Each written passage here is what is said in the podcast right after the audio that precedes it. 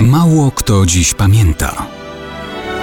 Datownik historyczny prezentuje Maciej Korkuć. Mało kto dziś pamięta, że 14 września 1964 roku widzowie kin w Polsce usłyszeli wyśpiewane słowa o ziemi ciężkiej od krwi. Na ekrany kin wszedł wówczas polski film Prawo i Pięść w reżyserii Jerzego Hoffmana i Edwarda Skurzewskiego. Główną rolę gra tam Gustaw Holubek. Film jak film. Okrzyknięto go polskim westernem. Był to raczej western z demoludów. Można mieć wątpliwości co do artystycznej wartości tego filmu. Osobiście nigdy nie byłem w stanie uznać go za arcydzieło, ale to tylko moje wrażenie.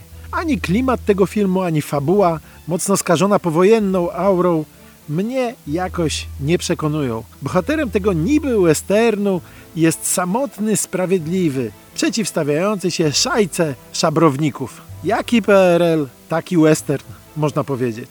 Natomiast do dzisiaj mam ciarki na plecach, kiedy słyszę skomponowaną do tego filmu przez Krzysztofa Komedę balladę Nim wstanie dzień. To ona była dźwiękowym motywem przewodnim. Poruszające słowa Agnieszki Osieckiej w każdych czasach, również dzisiaj, mogą budzić emocje.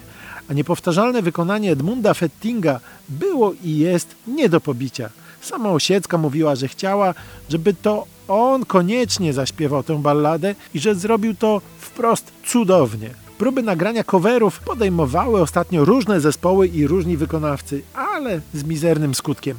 Jeśli ktoś chce usłyszeć ten utwór w pełnej krasie, to tylko w wykonaniu Fettinga. Ten zresztą dokładnie wiedział przecież o czym śpiewa. Całą okupację spędził jako nastolatek pod Grodziskiem Mazowieckim. Swoje w życiu widział. Był po wojnie artystą scenicznym, ale też jeszcze w latach 40. współtworzył zespół jazzowy Marabut. Przy ich występach w warszawskiej IMKA konferencjerem był znany skądinąd Leopold Tyrmand. Długo to trwać nie mogło, bo w końcu lat 40.